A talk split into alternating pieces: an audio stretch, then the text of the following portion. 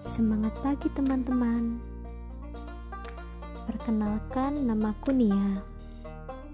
Di podcast ini aku mau sharing tentang bagaimana menjaga kesehatan kita dan bagaimana menjaga tubuh kita dengan baik. Karena tubuh kita adalah aset di masa depan dan kesehatan kita lah yang paling utama. Oke, sekian perkenalan dari aku. Selamat mendengarkan.